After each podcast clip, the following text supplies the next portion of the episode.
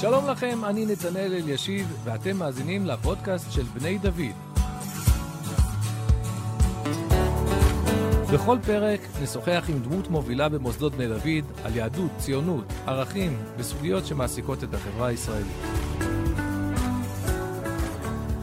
שלום לך, אלידע בר שאול, ממש אה, כיף, אה, כיף לי לארח אותך כאן ולראות אותך. אנחנו את הסדרה הזו של ההסכתים, השיחות עם... אה, אה, בסדרה הזאת הם תמיד או עם אה, אנשי צוות של בני דוד או עם בוגרי בני דוד, ומאוד רצינו ש...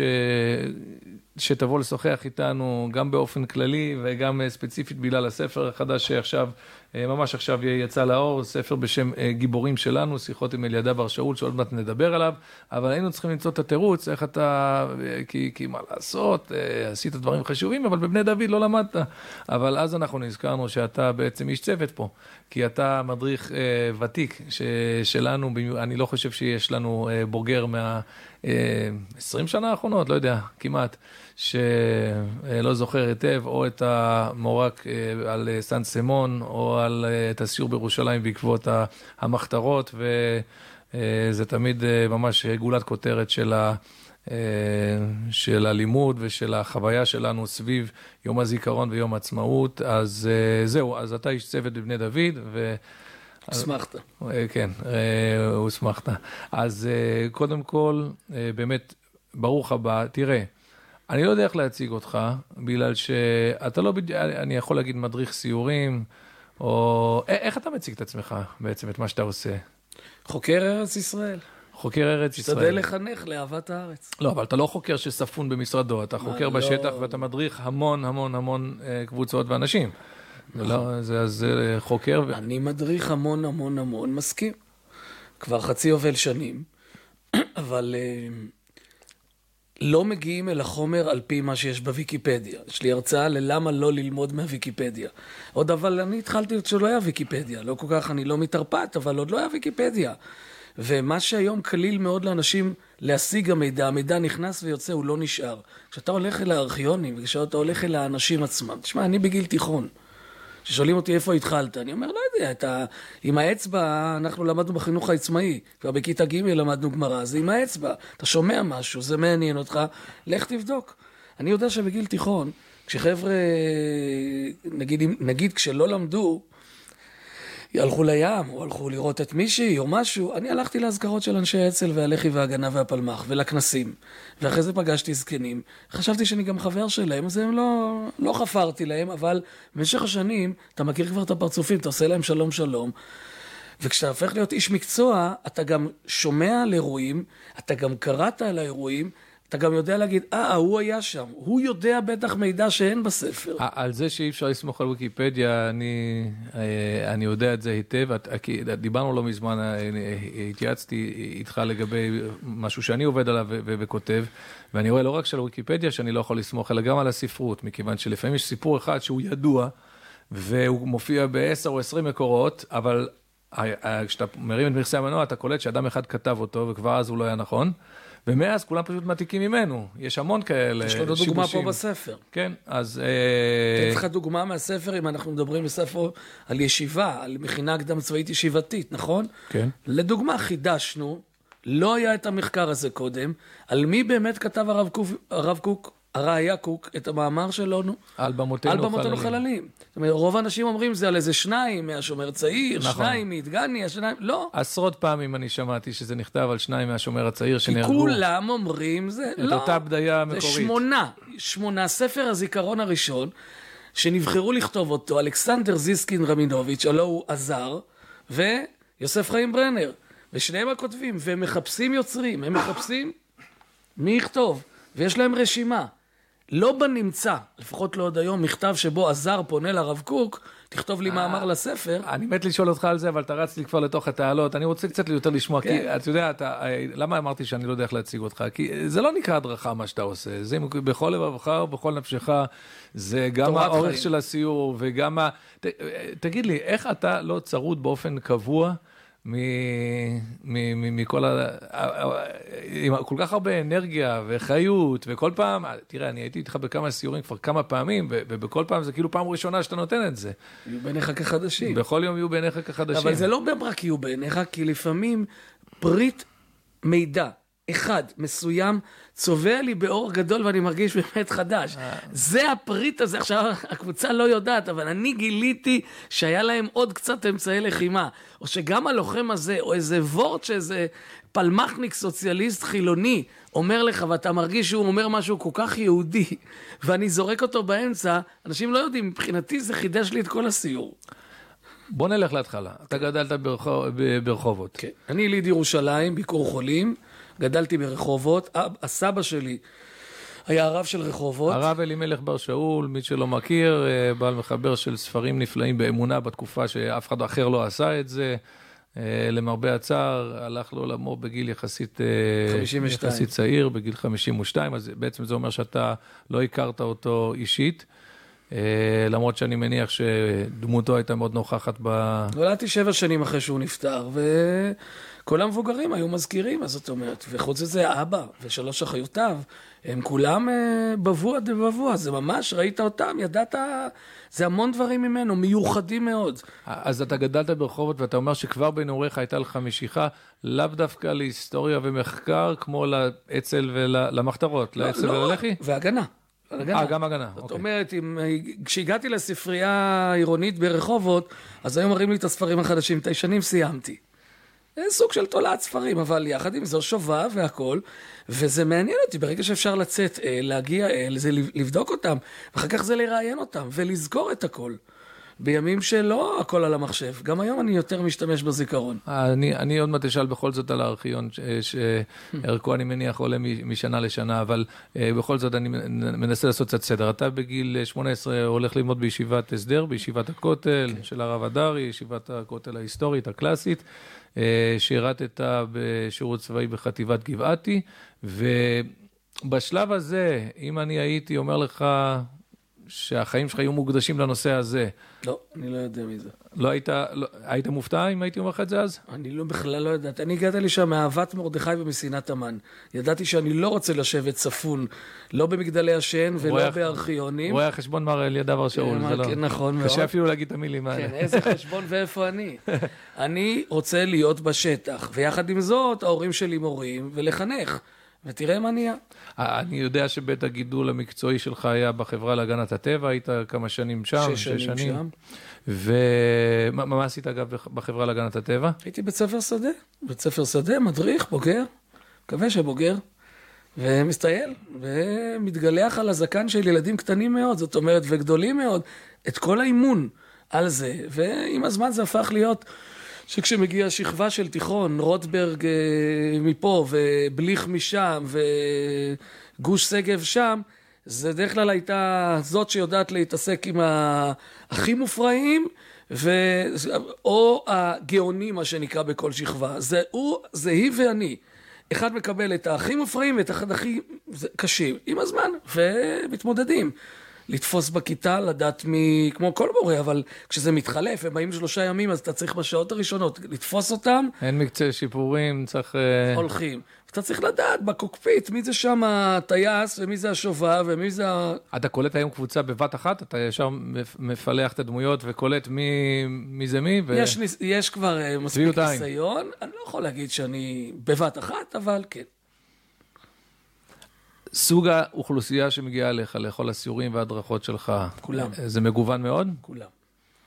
כולם. היום היה כיתה י"ב, ומחר יהיה כיתה י'. כן, אבל במיוחד מגזרים, זה לא רק מגזר דתי כמובן. ממש לא. קבוצות, מ- עובדים, עורכי דין, אה, ודאי פיקוד ומטה ומחצבים ואיחוד וייעוד של צה"ל ומכינות קדם צבאיות, חילוניות, דתיות. ומכיוון שאתה מדריך בישראל ולא בארצות הברית, אז אני מניח שיש לא מעט הודעות בסגנון, אתה אולי יכול בעוד שלוש שעות, או. לא, אני מגזים, אבל בטווחים מאוד קצרים, אז זה פתאום... הדתיים, זה הדתיים. אז זה דתיים כן, עדיין, כן. בטוחים שאתה, כן. אז אתה מקבל פניות, אה, תראה, יש משהו מאוד יפה, ב... אני מכיר את זה מהתחום ב... בהוצאת הספרים, אתה יכול להיות יום שלם שאף אחד בכלל לא מדבר איתך, ופתאום יכול להיות יום עם המון הזמנות, וזה תמיד נורא מעניין, מעבר לסיפור שצריך להתקיים כלכלית, הדברים האלו, אבל זה, זה נורא מעניין, זה כאילו, אתה לא יודע, התכוונתי להגיד, בעבודות כאלה, אתה פשוט לא יודע בבוקר. מה ילד יום? אף אחד לא יודע, אבל אנשים חושבים לא, שהם יודעים. אנחנו כבר, ברוך השם, הקדוש ברוך הוא פותח את המשרד בראש השנה, ואז ההזמנות מגיעות.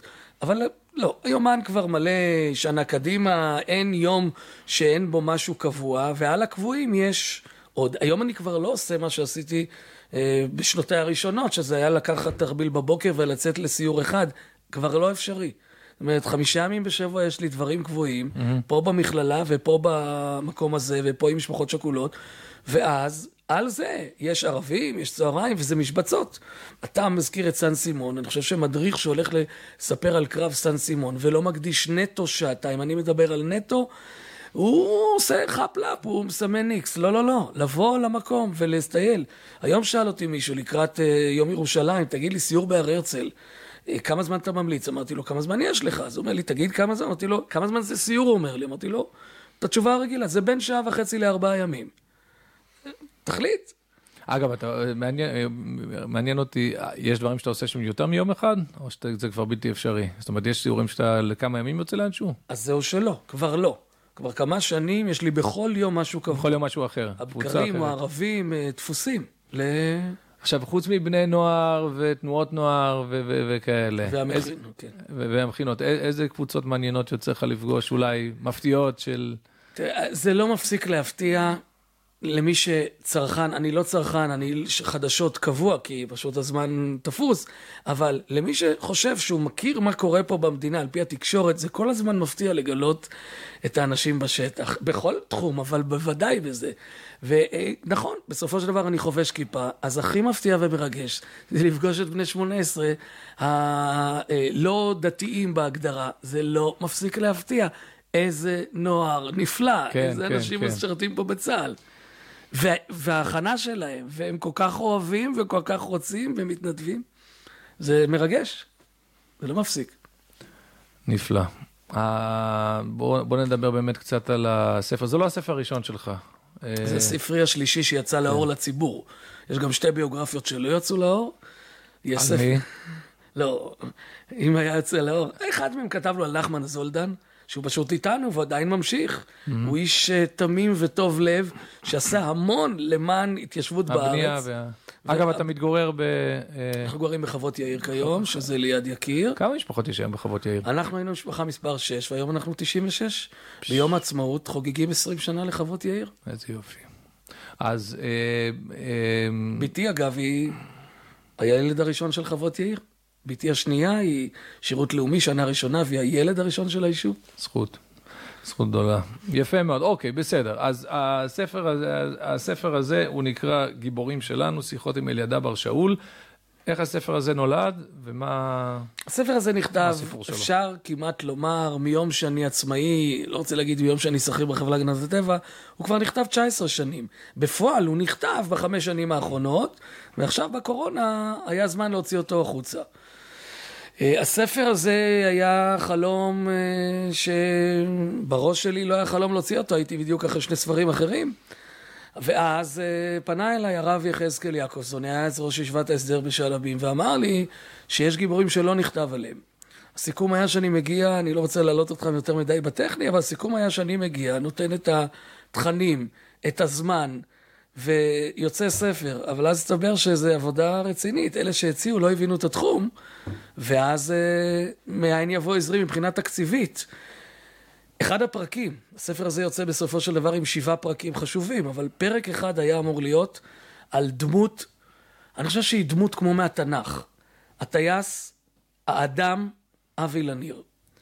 בנו של אבי, שאיזו אבדה לכל העם, ודאי לבן ולבת ולאלמנה, אה, הוא קצת אה, עשה כסף, הוא מבין בתחום. איש עסקים, אה, אבל הסיפור של אבי לניר, אתה יודע, אתה תמיד צריך לצאת מתוך הנחה שיש הרבה שכבר... שלא יודעים, עוד שנייה, רק אני אומר לך את אוקיי. הרעיון, שאני הגעתי לנועם, וביקשתי עזרה לתקציב של הספר, לנועם לניר, וכשהוא ראה את מה שכבר יש, הפרק עוד לא היה מושלם, אז הוא אמר, תעזוב את הזה בצד, ואז יצא הספר אדם מול שמיים. אז הספר הזה, יש לי אותו ברשותו, מומלץ, וזה ספר שהוא כולו על אבי לניר. כולו בעצם, על- עכשיו- אבי לניר היה אמור להיות פרק קטן פה בספר הזה, והוא הפך להיות... פרק, כבר והפך להיות ספר ספר בפני בפני עצמו. עצמו וכולי. עכשיו, מה זה רק על אבי לניר? אם, אם בקצרה נזכיר מי, בקליפת אגוז, מה הסיפור של אבי לניר? אז הוא עצמו אדם מופלא, עילוי טיס, ששני שיאים מופיעים שם כבר בפתיחת הספר, אה, הוא הסיפור של המיראז' השחור, זאת אומרת, חודשיים לפני מלחמת ששת הימים, הקפצה, הוא בכלל מגיע מהטכניון, עולה להקפצה, שישה מטוסים סורים נופלים מעל עין גב, שם האזור של מעגן, חמישה נופלים בטילים, ואבי שרודף אחרי מיג, אבי במיראז' רודף אחרי מיג, כל כך קרוב, יורה, שנייה וחצי, 25 כדורים, המיג מתפוצץ, מכל הכיוונים מבינים שהלך אבי. כי המטוס של אבי נכנס לתוך המיג. ויוצא מהצד השני, שלם, שחור מפויח, לא רואה כלום. יחשוב אדם שנוהג, אישה, איש, שנוהגים, מה קורה אם את הרכב שלכם. אתה לא רואה כלום, אין ווייז, אין כלום, היה לו רק ערוץ החירום. מטוס סילון, כשטייס אחר עם מטוס לידו, מכוון אותו, והוא לא רואה כלום, הוא הצליח להנחית אותו בבסיס רמת דוד. בספר הבאנו תמונה, רואים שני מיראז'ים, התמונה היא בשחור לבן. הם נראים, זה שני מיראז'ים מאותו דגם, אבל אחד הוא בהיר ואחד הוא שחור. עילוי, עילוי טיס.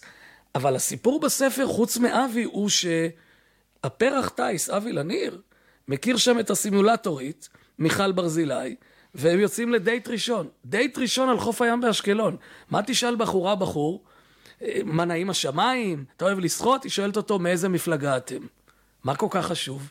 הדוד של מיכל, והוא מקבל מקום נכבד מאוד בספר גם שם. כן. הדוד של מיכל היה בלש מטעם ההגנה במשטרה הבריטית. עשה המון למען ביטחון ישראל, אבל האצ"ל חשד בו וחיסל אותו. ואז אצלם בבית, אצ"ל זה רוצחים. זה האנטי- זה. זה... ועכשיו, אבי, לך שיענה לה, הוא בכלל לא לניר, הוא לנקין. דודו אליהו לנקין היה מפקד האלטלנה. והיה הראשון שההגנה הסגירה בסזון. הוא בא, בא, בא מבית ימני מאוד, והיא באה מבית שמאלי. והם הכירו ואהבו, ובשביל אהבת העם והארץ, הם הקימו משפחה לתפארת. ואז אתה חוזר לסיפור של אבי. עכשיו, לאליהו לנקין לדוד שלו, יש שם כמה עמודים טובים, ולאריה פולנסקי לדוד שלה, ואיזו משפחה, וכמה ציונות וכמה ערכים, וזה ממשיך עד היום. דוקטור מיכל לניר, דוקטור מיכל לניר האלמנה, אישה מופלאה, ידענית עצומה, של ידע עם, דוקטור, והיא עד היום מחנכת, ונועם, שתומך בכל כך הרבה מפעלי... מדהים, מרתק, ואני אני חוזר לספר. אז אה, בעצם נכנסנו ללופ הזה של כן. של אבי לניר, כדי להסביר נכון. איך בעצם הגיע המימון, כדי להוציא את הספר. אגב, זה- בסופו של- אה, אפשר להגיד, קודם כל, הספר הזה הוא ספר, אני עוסק בתחום הוצאת הספרים, אני כל פעם שומע, פלוני הוציא ספר, ואז אני רואה איזה חוברת אה, בת איזה 100 עמודים, ואני אומר, עם כל הכבוד, החוברת הזאת. אז פה זה ספר של ממש, כמעט, אה, יש פה 360 ומשהו עמודים. מה מיוחד, שאלת, כן? אני אומר, יש אחריי וסוגים שונים של מפקדים וכולי, אבל קח שתי, שני, יש פה פרק על פצועים. אז יש כאן את הפצוע שנשאר בשביל שהחיילים האחרים לא ייתפסו. מי זה? כולם יגידו לך, מי שמכיר, ג'יבלי מהמאה ואחד. כן, גם הוא, אבל קודם כל יש את ארקין. ארקין, נינלי מייסדי המושבה מזכרת בתיה, שהוא בפעולת הרדאר. הרדאר בכרמל, אחרי שגילו את אקסודוס, יציאת אירופה תש"ז, הפלמ"ח יצא לסטלה מאריס לפוצץ את הרדאר, והוא נפצע, ואמר לחבריו שיעזבו אותו, שלא יסתכנו. השיר בלדה... לחובש גם מופיע פה. שמה זה כבר חובש שרץ להציל פצוע. קודם זה פצועים, יש כאן. יש כאן את הבריא, את נגרקר מתל סאקי, שהוא הבריא שיוצא למען הפצועים. ויש את דוב רוטברג, שעל שמו הרדוב, הוא אחת הדמויות, שהוא מפקד שרץ לחלץ פצוע. כל הסיפורים האלה, אף אחד לא מכיר אותם. אה, הרבה אנשים משום מה לא יודעים למה להר דוב קוראים הר דוב. מי זה דוב רוטברג? לא יודעים. אז, אז עושים פה את ההפ... אתה עושה פה את ההפ... יש כל, כל המגמה הזאת של ניסיון לשבור מיתוס, לקחת איזה סיפור מפורסם ולהראות שזה לא היה ו- וכאלה. אתה הפוך. עושה, את ה- אתה עושה בדיוק את הפוך. אני לא אתה באתי- לוקח את הסיפור הלא מוכר ואתה שם עליו את הזרקור. ואני מספר ואומר. ומספר. מלבד זאת אמרתי, יש פה דמויות שאף פעם לא נכתב עליהן כלל. זהו, אז זה במידה רבה עניין של אה, מזל, אני לא רוצה להגיד של יחצנות. איזה סיפור בסוף יהפוך להיות מפורסם ומוכר, ואיזה סיפור יידחק, לפרק. אז... לך לפרק של קופצי הרימונים, אנחנו נמצאים בעלי. רועי קליין ודאי פה. אבל רוב האנשים, נכון ללפני מספר שבועות שהספר יצא, היית כותב בוויקיפדיה אנשים שקפצו על רימון, אני הכרתי ארבעה. היה נתן אלבז, רועי קליין, והיו אנשים שהכירו עוד שניים. כבר בוויקיפדיה לקחו מהספר הזה, ללא מזכה, וכתבו שיש שם כבר שישה. אני מספר שיש תשעה עשר אנשים שקפצו על רימון. אין עוד צבא בעולם, כולל הצבא האדום הגדול, או אמריקה, שלא לא שבדקו, אבל אין, 19 מקרים שונים, שמונה מהם מובאים פה במלואם. באמריקה, אגב, היו שלושה מקרים, אה, שניים במלחמת עיראק, ואחד, אני חושב בריטי דווקא, באפגניסטן. ככה, אני, בגלל שהייתה לי הזכות להיות חבר קרוב של רועי, אז הנושא הזה, תמיד אני, כל ידיעה בה, היא מיד... אז תבין, בצבא שלנו. יש לנו 19, יש גם אחד שהיה ב-46 וזה, אבל 19 מאז מלחמת העצמאות. וכתבתי שריבוי המקרים מלמד שאין זו מקריות, זה הערבות ההדדית. כן. מי יודע על שמואל שפרמן? עד הספר הזה. אני חושב שאפילו גם, גם עכשיו הוא עוד לא בגוגל, עוד לא לקחו מכאן. שמואל שפרמן, סיפור מרגש. אז למה הסיפורים האלה נעלמו, בעוד שסיפורים אחרים הובלטו? נתן אלבז הובלט, כפי שמובא פה השיר במלואו של אלתרמן, הוציא, או, אבל גם כשהוא היה, גם כשהוא דיבר עליו טובות, זה היה מסגנון של פטרונות. זאת אומרת, אוי, גם מרוקאים יכולים להיות גיבורים. הדבר הזה. קליין אי אפשר היה להסתיר את הגבורה, את העוצמה של האיש, מלבד, אה, אתה חבר שלו, זאת אומרת, מלבד המעשה עצמו. וזה גם במלחמה שבה אה, היו אנשים שרצו לדבר שלא היה מוצלח, והוא והגבורה כן, של גולני שם, ודאי. הניגוד, אה, כן. איזשהו ניגוד בין תחושה כללית של כן, חוסר... אבל יש אנשים שאתה לא יודע על סיפורם. אז הדברים האלה מצטברים אצלך במשך שנים. ויוצאים ואתה... החוצה. יש גם דברים שאני לא ידעתי. האחרון שבקופצי הרימונים שאני מביא פה, הסיפור שלו עדיין עכשיו על המדוכה. זאת אומרת, בחור בשם חגי בר אוריאן, שנכון לפני ארבע שנים היה כתוב על הקבר שלו שהוא טוראי שנפל במילוי תפקידו mm. בתאונה. מסתבר שהוא בכלל נפל בפעילות מבצעית והציל נטו 55 אנשים. מתי? מתי? במובלעת בהר הצופים. 19 שנים בהר הצופים, בית חולים נטוש ואוניברסיטה נטושה, במקום האוניברסיטה עשו בגבעת רם, במקום הבית חולים עשו בהדסה עין כרם. מה יש שם? אנשים שמתחזקים את הציוד ושוטרים ששומרים עליהם. בפועל, סוד שאסור לדעת, זה לא שוטרים, זה גולני, צנחנים, נאכל מחופשים לשוטרים. וכשמגיע אליהם ציוד, הוא מוסתר בכל מיני מקומות. בתאריך ז' במר חשוון, תשכ"ה, סוף 64. זה יום שבו החליטו שביום הזה יאספו. מה, מה קרה? איך אתה זוכר גם את התאריך? אבל תמשיך. אבא שלי, זיכרונו לברכה, היה היסטוריון, אז אני מכיר את זה, אבל זה מפליא אותי כל פעם. תמשיך, סליחה. כן. הביאו, אספו מכל המקומות, שם שזו, פה 200 רימונים, פה זה, ולארגן את הכל, לסדר, לשפצר, לסלר. חגי בר-אוריין, יליד פרס, תושב שכונת הבוכרים. הבחור הוא חבלן בגולני. יושב בחדר, והם מפרקים רימונים הרימונים של פעם, היו רימונים שזה מגיע בשלושה חלקים, המגופה, הגוף, מה ששמים למעלה המנוף, אבל קודם החייל הקרבי מכניס פנימה את הפציץ, את כן. הדברים. חוזרים, גלגל את הסיגריה. חוזרים, והם יושבים עכשיו בחדר, כמה, קרוב ל-20 איש, וכל אחד מעביר, הוא פותח, הוא מוציא, ההוא מעביר, ההוא פות... ואז מישהו דילג על שלב. עכשיו, הם כבר 20 בחדר, ובחוץ יש עוד. עכשיו, הבניין, בניין הכימיה. מי זה מפרק רימונים בבניין הכימיה? מי שלא שוקל עכשיו את העניין הבטיחותי, אלא איפה הכי רחוק מהמשקפות של הירדנים שצופים. אז יש פה חומרים כימיים פתוחים בכל הבניין, והם מפרקים, וחגי קולט, שזה 21, 22, 23, תופס את הרימון, ומתחיל לרוץ החוצה. המפקד שלו צועק לו, חגי תזרוק, חגי תזרוק, הוא לא זורק, כי כשהוא יוצא, הוא רואה מה? הוא רואה שבעה חיילים אחרים, מפרקים משהו אחר, ועניינים. הוא רץ, מנסה כמה שיותר רחוק, ואז כולא בגופו את הפיצוץ. רק האנשים שהיו בבניין וארבעה שומרים בחוץ זה 55 אנשים נטו. איך הסיפור הזה, אני שומע אותו פעם לגלות. ראשונה. היה אסור לגלות. אבל עברו מאז כל כך הרבה שנים. אז תבין מה זה, המשפחה שלו קיבלה הודעה שהוא נהרג בתאונה בדרום. היה אסור, לפני מספר שנים. חבר שלו, אה, חבר שבעצמו הוא אב שכול, אבא של אה, ענת אלימלך שנרצחה פעם בירושלים, הכיר מגולני את הסיפור, בא למשפחה, בא לאחיין, לאייל, ואייל אמר, מה אתה אומר? אמא שלי לא יודעת מזה. הלכו, הם לא רצו לשמוע, כי זה סיפור כואב. הלכו, הורידו את המזוודה של חגי, שסבתא לא נתנה לגעת, פתחו, התחילו לבכות, כי היה שם שני זוגות מדים, אחד מהם הוא לבש פעם, היה הריח שלו. מצאו בכיס שלו שלושה ארבעה שירים שהוא היה משורר בהתהוות, בחור בן 19, שיר על שדמה, על תוצרת חקלאית, על ארץ ישראל, וגם שיר אחד קצר שהוא אומר, ואולי להסתער אל על ולהתנפץ בחסל. זאת אומרת, האיש הזה היה אסור בכלל שיהיה לנו גולנצ'יקים בהר הצופים, ולא רימונים, אז לא גילו. אמרה אחות, אמרה אחות של חגה, אם אבא היה יודע, אבא נפטר צעיר, הוא לקח ללב. אם אבא היה יודע שהבן שלו לא הלך על תאונה, אלא הוא גיבור שהציל כל כך הרבה אנשים, יכול להיות שהיה חי איתנו עד היום. היה אסור לגלות למשפחה, ושנים אחר כך זה ככה נזנח. שמעה המשפחה, מה זה, קפץ על רימון, כמו רועי קליין, עיטור העוז. פנו לגדי איזנקוט כשהסיפור יצא, הוא אמר, גולני, מה זאת אומרת? כן, יהיה ועדה ועניינים, ודובר על זה שעד עד סוף הקדנציה. לא בירוקרטיה, ביום שגדי איזנקוט מתחלף, יוצא אל הקריה, אל אביב כוכבי, קודם כל הוא מזמן את המשפחה, נותן להם תעודה, כבר לא יהיה עיטור עוז, הם לא מוותרים, הם רואים בזה תעודה זמנית ומקווים שמישהו יפתח את העיניים.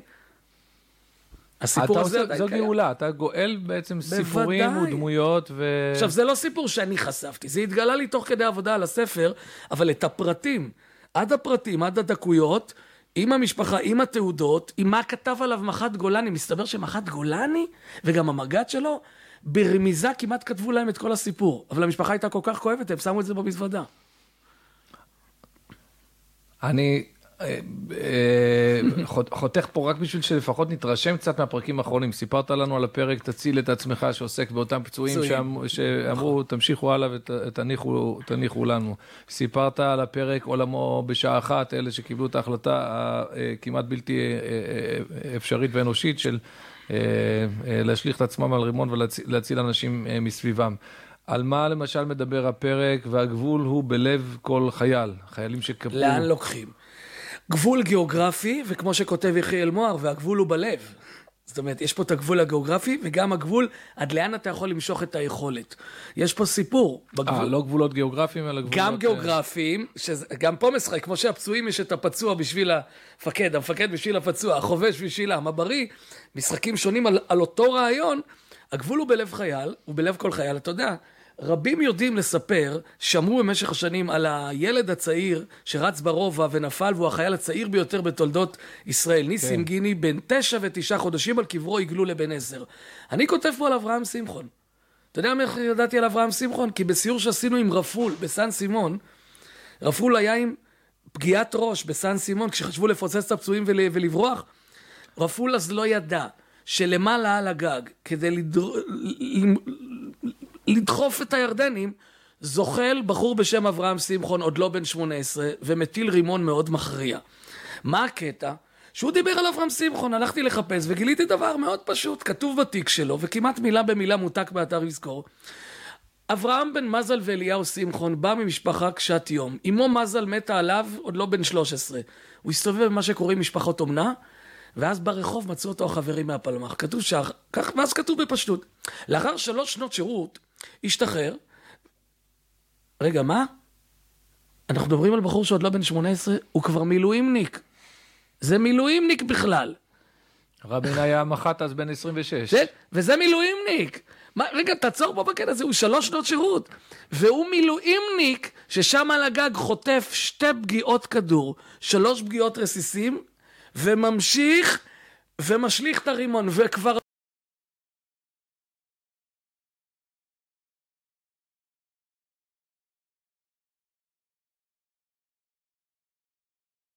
ודאי אחרים כל השנים, הוא לא מוזכר בסיפור. רפול אמר, על קברו של אברהם שמחון בהר הרצל, יש לדעת, לוחמי סן סימון, כתוב על, הקר... על המצבות שלהם כ"א בניסן, שזה 30 באפריל, או כ"ב, שזה ה-1 במאי, מי שמת כבר לתוך החשיכה. כולם קבורים בקריית ענבים. שמחון לא, הורידו אותו מהגג, שתי פגיעות כדור, שלוש פגיעות רסיסים, נושם. הביאו אותו לבית החולים. תשע יממות הוא נלחם עוד על חייו. עצם את עיניו באלף באייר, והוא קבור בבית קברות אחר בהר הרצל. אז הוא כי. יום אחד שמעתי שרפול, שר החקלאות, עושה סיור לשלושה אנשים, אחד מהם הודיע לי, באנו, היינו שמונה אנשים. הוא הלך לשלושה קברים בהר הרצל. אחד מהם כתוב על הקבר אברהם שמחון בן 17. עמד רפול ואמר, אפשר להגיד פשטות, שהיא לא שמחון, לא הייתם יודעים מי זה רפול. הוא היה עם פגיעת ראש. אתה בטח מכיר אגב את הסיפור, כשרפול היה, הוא היה בזחלם הראשון שנכנס לרצועת עזה במלחמת ששת הימים. ואז הוא קיבל פגיעת ראש, וכשניתחו אותו, אז אה, הוציאו יותר מדי מתכת, וגם ראו שזה גוונים שונים. כשהוא התעורר, אז הוא אמר, אתה, אתה מכיר את ההמשך? זה מובא פה. אה, אוקיי. אי אפשר כאילו. אבל רק למאזינים, אז אני כבר אשלים את הסיפור, הוא אמר, אה, כן, זה פשוט מעכשיו, ומה שעכשיו... אלה בני 19, רגע יצאו לאוויר העולם, כן. זה מה שהוא אמר. כן, כן. בספרו כתוב שלושה רסיסים הוציאו מהראש שהרופא לא הבין מה הם. בעל פה הוא היה חוזר, בארבע פעמים שאנחנו היינו איתו, אז הוא אמר אה, שזה היה ארבעה רסיסים, וכך ענה. אז אוקיי, אז, אה, אז זה, יש לנו פה גם את הפרק על uh, מספד, שתיקה ותחומה. שזה על uh, איך מקבלים את האובדן. הורים גיבורים עצומים שיש בארצנו. Uh, יש פה בפרק אחד שמדבר על טרומפלדור. יהודה קנדל מופיע בספר מספד, שתיקה ותקומה. יהודה, קנדל, יהודה קנדל מכפר פינס. בכ"ח בסיוון, תשס"ב, ימי אינתיפאדת אל-אקצא. יעל ואייל. יעל ואייל. אני ממש זוכר את הסיפור. יעל ואייל. יעל ואייל נרצחים בקרוון שלהם בכרמי צור. מגיעים בשבת שני שוטרים לכפר פינס, מסתובבים ומחפשים את יהודה. בסופו של דבר מודיעים ליהודה מה היה, והוא אומר להם, תלכו מפה. למה? הם רוצים להודיע גם לאלישבע. שבת. תלכו מפה, הוא לא מספר לה בשבת, הוא אומר, אני, בראש שלו, אני כבר אב שכול לכל החיים. היא, יש לה ממוצאי שבת להיות אם שכולה. למה היא צריכה לדעת את זה עכשיו? בוא נרוויח בשבילה עוד כמה שעות של חיים אמיתיים. ועל זה הוא נלחם באותן שעות. האיש קיבל עיטור המופת בגבעת התחמושת, אין לדעת אם היה צריך לקבל עיטור המופת על העשייה או על השתיקה. ויהודה קנדל קורא את הספר הזה. הוא הראשון מכל העם, לא הראשון שקיבל את הספר, אבל נסעתי למשפחות ונתתי לרבים מהם, והוא הראשון. אלישבע מדווחת ליהודה יורק דם, הוא לא, יש פה, הוא קורא, והוא מתקשר למוצאי שבת אחד, שלושה שבועות אחר כך, גמרתי את הספר. תשמע, הדמות שהכי הרשים אותי, חיכיתי לאיזה דמות שחידשנו, הוא אומר לי, טרומפלדור. פעם ראשונה שמתי לב, בדגש ששמת, שהוא היה שם, ושלח להם כל הזמן הודעות, תבואו, ולא באו לעזור לו. פגשתי לפני יומיים את נחשון, הבן של יהודה ואלישבע. הוא אמר, זה החוויה של אבא מסואץ, מיום כיפור. זרקו אותם באיזשהו מקום, ולכו תחפשו. החוויות תוקפות אותך. עכשיו, טרומפלדור, יש פה חידושים. אני כבר מתחייב שיש חידושים בספר גם לגבי טרומפלדור. לא לקלקל, להאדיר את הדמות. כן. ולא סתם להתייפייף. באמת יש חידושים. אבל אני כתבתי שם בסוף דור ההמשך, ואנחנו בעלי, דור ההמשך מוביל גם לאחד הבוגרים. למה דור ההמשך? מכיוון שלבני, שלי, יש לי ברוך השם שישה ילדים, ואחרי שתי בנות, שמה מרכיב את השם ארץ ישראל, אור וירדן, איי, אה, אוקיי. איי, אז כן, אחרי איי, חיפשנו שם נכון, וקראנו לבננו ערן חי, על שם ערן שמיר. שהיה מפקדו של דוד גרנית. שהיה מפקדו של דוד גרנית. עודד אותו לצאת כן. לקורס קצינים. עודד אותו לצאת לקורס קצינים. לקח אותו אליו קודם לסיירת צנחנים, והכל מובא פה איך זה קרה. וגם מובא שכשערן מרואיין חצי שנה לפני מותו, על ידי כתבת עיתון, הכתבה מובאת כאן גם בצילום שלה, עומד שם דוד אחד ואומר משהו, בכתבה ההיא, כשדוד עוד בחייו. ש... אז רגע, אבל אני שוב רוצה אותך רק, אני יודע על מי אתה מדבר, ואני בטוח שהרבה מאזינים לו, אז בוא, בוא נעשה סדר. יש פה בספר, אה, פשוט הזכרת את אה, דוד גרנית, והוא לא היחיד מבין בוגרי בני דוד, אני אה, יודע שכתבת פה על נדב מילו, ועל אלירז פרץ, ועל רועי קליין, והסיפור של דוד גרנית, כמובן שאנחנו פה... מחנכים לאורו. מחנכים לאורם של, הד... של הדמויות האלה, תמיד מדגישים שלא בגלל שהם מתו, אלא בגלל איך שהם חיו, שזה... אה, בחירות שהם עשו עוד בחייהם. כן. אדם, אז, אנשים. אז דוד גרנית גם זכיתי להכיר משפחה כל כך נפלאה שגרה פה סמוך בעופרה. אנחנו עבדנו אה, יחד עם המשפחה כדי להוציא ספר לזכרו שעוסק ב, בניווט, סיפור דרך. אז אני ממש מכיר היטב את המשפחה ואת התאום שלו, שאגב זה הפחיד לא מעט אנשים בהלוויה, כשהם, כאילו הם תאומים זהים, ו... אבל לזה לא ניכנס. אז אוקיי, דוד גרנית, למה, למה הסיפור שלו נכנס? אז אני אומר לך, לבן שלי קוראים ערן חי. למה זה קשור לדור ההמשך? ההמשך. הממשיכים. אז קודם כל מבחינת דור ההמשך, ערן כתב, ערן, מי שקיבל את דוד לסיירת, משך אותו אליו לסיירת. מי שהיה פקוד דור, מי שכשדוד יוצא מקורס טיס, אחרי זה מסתובב, יש חולצה, צוות ערן, גם מופיע כאן. ערן כותב בספר היחידה, כדי לצטט ככה בעל פה, ערן כותב בספר היחידה, לאורך השנים נפלו לא מעט חבר'ה בסיירת של הצנחנים. הוא כותב, לא מעט נפלו, אבל הוא כותב שהביטוי במותם ציוו לנו את החיים, בין הדברים הוא כותב, בכתב ידו מופיע פה, הביטוי במותם ציוו לנו את החיים הוא ביטוי נדוש ורווח. אולם רק כשמכירים את קורות חייהם מבינים עד כמה אותם לוחמים שמזכירים אתכם, אותנו, במעשיהם ובאופיים באמת ציוו לנו את החיים. אבל לא רק את החיים, יש פה enter, הוא עשה כמו רווח בכתב יד, אבל לא רק את החיים, גם את הצו להתנדב, לחרוק שיניים כשקשה, ולדעת שייתכן ויום אחד נצטרך להקריב את עצמנו בעקבותם ולצוות לבאים אחרינו את החיים. אני עושה הפסקה באמצע, וכמו, מכיוון שזה שיחות, ופה כתוב, הבנתם? זה לא טרומפלדור כתב. זה ערן שמיר שהתהלך בינינו כ-75 שנים אחריו. ופה ניתנה אפשרות למחשבה, לדיון מהיר בהשלכות ובמשמעויות. לשם כך הותיר הכותב רווח. זאת אומרת, הוא לא אומר טוב למות בעד ארצנו, הוא כבר אומר את זה אחרת, זה דור ההמשך. ואז, ואז מוסיף ערן, אחרי הרווח, זה אולי קצת מדכא. ויש כאלה שיאמרו, תשאיר את זה לימי זיכרון. אבל כמו שבשביל המשפחות השכולות אין ימי זיכרון, גם אנחנו מצווים לזכור כל הזמן. ולכן דוד גרנית יצטט ויספיד את ערן בשם סיירת הצנחנים בלוויה של הר"ן.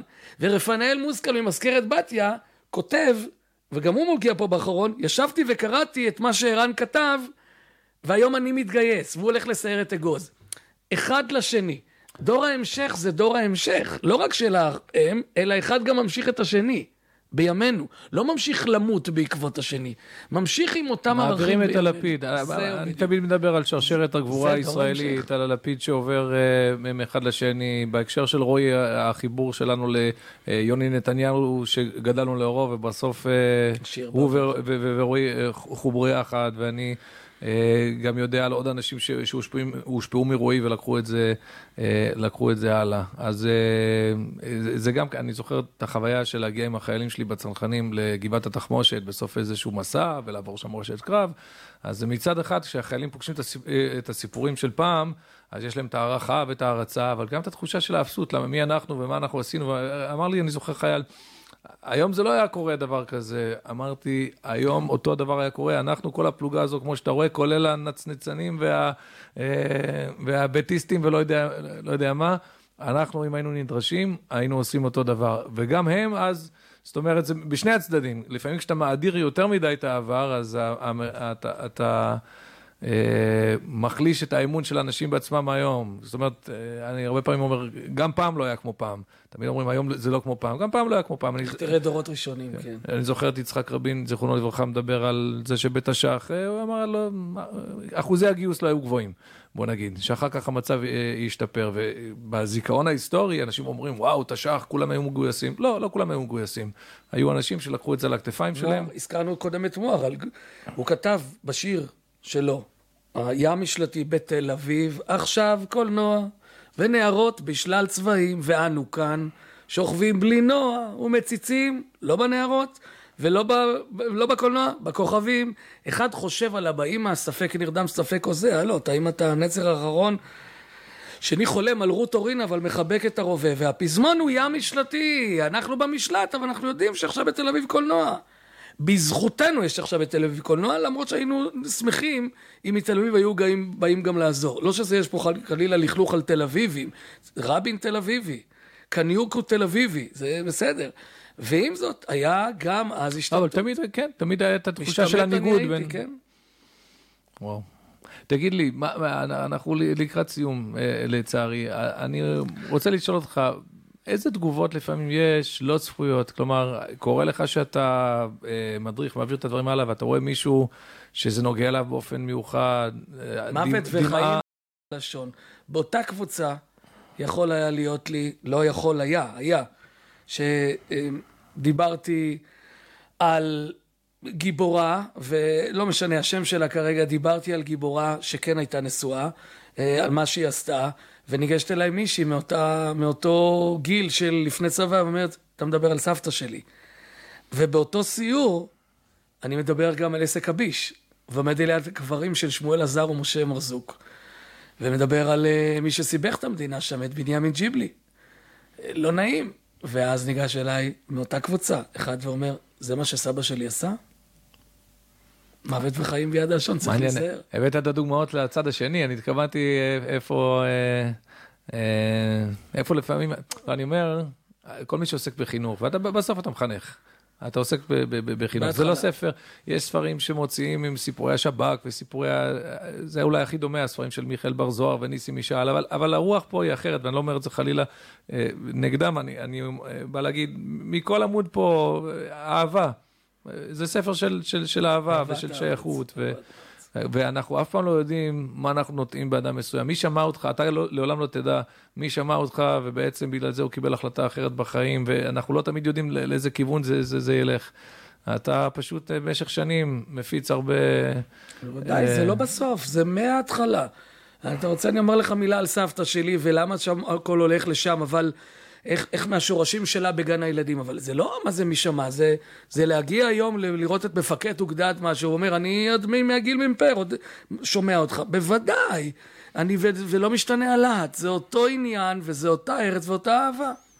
איזה יופי. אז אולי באמת אנחנו נסיים, אני יודע שיש לך סיפור מיוחד עם, אה, עם סבתא שלך, זה סיפור שאיתו לה... פתחתי בספר הראשון. אני חייל מאוגוסט 91, זאת אומרת שנפלנו על החורף של תחילת 92, זה החורף שבו ודאי חיילי גבעני, גבעתי שם. ארובות השמיים נפתחו. בוודאי, ו... דימונה, ערד, ירוחם. אגב, אתה יודע, הזכרת את רועי קליין, אני ממש זוכר אותי ואת רועי עומדים בחורף ההוא ברעננה, ב... אני יכול להגיד לך איפה זה היה, ליד, ליד ברחוב אה, חטיבת גבעתי, גבעתי דרך אגב. ויורד עלינו גשם כל כך חזק. וכמה אתם? תפסנו מחסה, אה, אני צעיר ממך, אני חושב, אה, בשלוש שנים, אז אה, היינו ב... אולי בני 16, ואני זוכר, פשוט לא יכולנו לצאת. גשם ממש. היינו במחסה. היינו צריכים להגיע כמה מאות מטרים, אי אפשר היה, פשוט התחבאנו. זה... אז אנחנו יוצאים לנו ואמורים ללכת מלפני באר שבע ולהגיע בסופו לסעודת יואב. נחל אופקים היה קשה לחצות אותו, נחל אכזב שהיה רטוב. אני, היה, היה מפקד אצלנו, אדם זוסמן בגבעתי, שהוא היה גבוה מאוד, ו- והיה מפקד אחר, גיא חן, שהיה נמוך ממנו כמעט בשני שליש, ושניהם הלכו, גיא חן אמר, אני נרטבתי עד לעיניים, והוא אמר, אני לא רוצה להגיד לכם איפה, איפה נרטבתי, מה זה ממש, היה רטוב מאוד. ואנחנו הולכים, וצנחנים דוחים, אחרי כמה שעות עוצרים ודוחים לשבוע הבא, וגולנים מקצרים, וגבעתי, סגול לא יורד במים, הולכים, הולכים. הגענו למצודת יואב. החלפנו בגדים, יצאנו לקבל את הכומתות, היינו רטובים כבר כל עד פנימה, רטובים. נגמר, ואז המפקד הודיע, חיילים, 20 דקות, אה, הטיוליות, עניינים, הציוד, אתם הולכים במשפחות עכשיו ככה, שימו לב, כן, חסר לנו שומרים. חס, חסר שומרים, ולכן, אני צריך ארבעה אנשים. אתם יש לכם 20 דקות, פתחו שעונים, רוצו למשפחות, חיבוקים, עניינים, תאכלו, תחזרו, מספר מוות, ארבעה אנשים נשארים. אם מישהו מאחר, הוא נשאר. אז אתה רץ. כל הרגליים תפוסות, ואתה רץ. ואני מגיע לאימא ומקבל חיבוק, ומגיע לאחי שמוריד לי כאפה, ואיזה שני חברים, וסבתא שלי, שכבר איננה. סבתא שלי, סבתא משה, שנפטרה ביום הולדתה ה-98, שהמשפחה שלה, רובה, הלכה בשואה. סבתא עומדת שם, היא הייתה גננת שלי ברחובות, הכניסה בי אהבת הארץ, מוללה רגבי עפר, שרה שירי סוכנות ומולדת. זו סבתא, בת 70 ומשהו אז. אני רץ אליה, והיא, איך שאני מתקרב, היא אומרת, לא רוצה חיבוק. אמרתי, בסדר, נשיקה. לא רוצה נשיקה. אז אמרתי לה, סבתא, מה את רוצה? המנון. מה? המנון. אמרתי, מה המנון עכשיו? שתשאיר. אמרתי, סבתא פה כולה מסביב, נו, צריך לאכול. המנון. ולא ויתרה לי ומצאתי את עצמי שר לה, מהר מהר, ושלא תפדיחות באוזן. קולות בלב, הפנים הנפש יהודי, ומבטל מזרקן מהעין לציון. עוד לא אהבת התקווה, את התקווה בשנות הבאים להיות, אמרה לי, תעצור. אמרתי, למה? כי מיהרתי, כי זייפתי, אומרת, לאן הגעת? אמרתי לה, לא זוכר. לא שמתי לב בכלל, אז היא אומרת לי, הגעת עד להיות. וככה שרנו. היא אמרה שרנו למרות שהיא לא. היא אמרה, שרנו ותקנה, שרו את זה שם. מאחורי הגדרות, בכל שנייה ובכל דקה ובכל שעה ביממה, התקווה בת שנות אלפיים הייתה... מאחורי הגדרות אתה מתכוון בגטאות, כן, בשואה, כן. שיהודים שרו התקווה ו... אז היא אומרת, שם כל שנייה וכל דקה וכל שעה ביממה, התקווה הייתה להיות. ואיך שיצאו מהגדרות כבר, הרגישו שמגיע להם, ורצו עוד מילה אחת שלמה, בת שתי אותיות, להיות עם. ואתה יודע מה זה לבוא ולראות את האורות של הכרמל. באונייה, לנשק את האדמה, להסתובב ולראות עיר בארץ ישראל, להגיע לתל אביב, עיר חדשה, לראות קיבוצים. אתה יודע מה זה יום-יום להיות עם חופשי בארצנו? כשהיא נפטרה הבנתי שכל נכד ונכדה הפריע להם מתישהו לאכול עוגיות ברגע מאוד קריטי כדי להבין מה זה לעשות פה שליחות, מה זה לעשות שירות, מה זה שהנכד שלי לובש מדים פה בארץ ישראל. בשנותיה האחרונות ישבה בכיסא גלגלים בנורדו 2 ברחובות, ליד השטיבלח הכי גדול של אזור השפלה, פאי, ואם היה עובר ספר תורה להיכנס, היא הייתה רוצה לצאת החוצה מהכיסא גלגלים ולתת לו נשיקה. כנ"ל אם עבר דגל ישראל, כנ"ל אם עבר חייל או חיילת, היא רצה לנשק לא אותם, את המדים. מדים ודגל וספר תורה, תשמישי קדושה. וזה חדר. לנכדים שלה ולהרבה ילדים שהיא חינכה בגן הילדים ברחובות. אז גם בזה אני, אה, וואו, קודם כל צריך להקל סיפור כזה, אבל אה, אה, גם בזה השרשרת אה, עוברת. והרוח של סבתא נושבת בך, והרוח שנושבת בך היא נושבת בהמון אה, תלמידים, חניכים ו- ו- ו- ואנשים, ואנחנו אה, נהנים מזה אה, בכל שנה. אין לי אלא לאחל לך שאתה תמשיך, אני בטוח ש... אה, יש סיפורים שמסתתרים, לפחות בכמות הזאת, לכרך נוסף. אז אה, מי שמתעניין בספר הזה, איך משיגים אותו? הדרך הנוחה? הנוח ביותר לרשום מכון שלמה אומן, שלבים, כן? כן. או גיבורים שלנו, מכון שלמה אומן, וזה יישלח ישירות, אפשר לרכוש באתר, להסליק, ושולחים, צ'יק צ'אק זה מגיע, שליחים. כבר רצו ורצים לא מעט ספרים ברחבי נהדר, הארץ. יופי. תודה רבה לך על כל מה שאתה עושה, ותודה על השיחה הזאת. שיהיה. בהצלחה ותמשיך בדרך היפה הזאת. כל טוב. עד כאן הפרק שלנו, תודה שהאזנתם להסכת של בני דוד. אתם מוזמנים לשתף את הפרק עם חברים, נשוב ונשתמע בפרק הבא.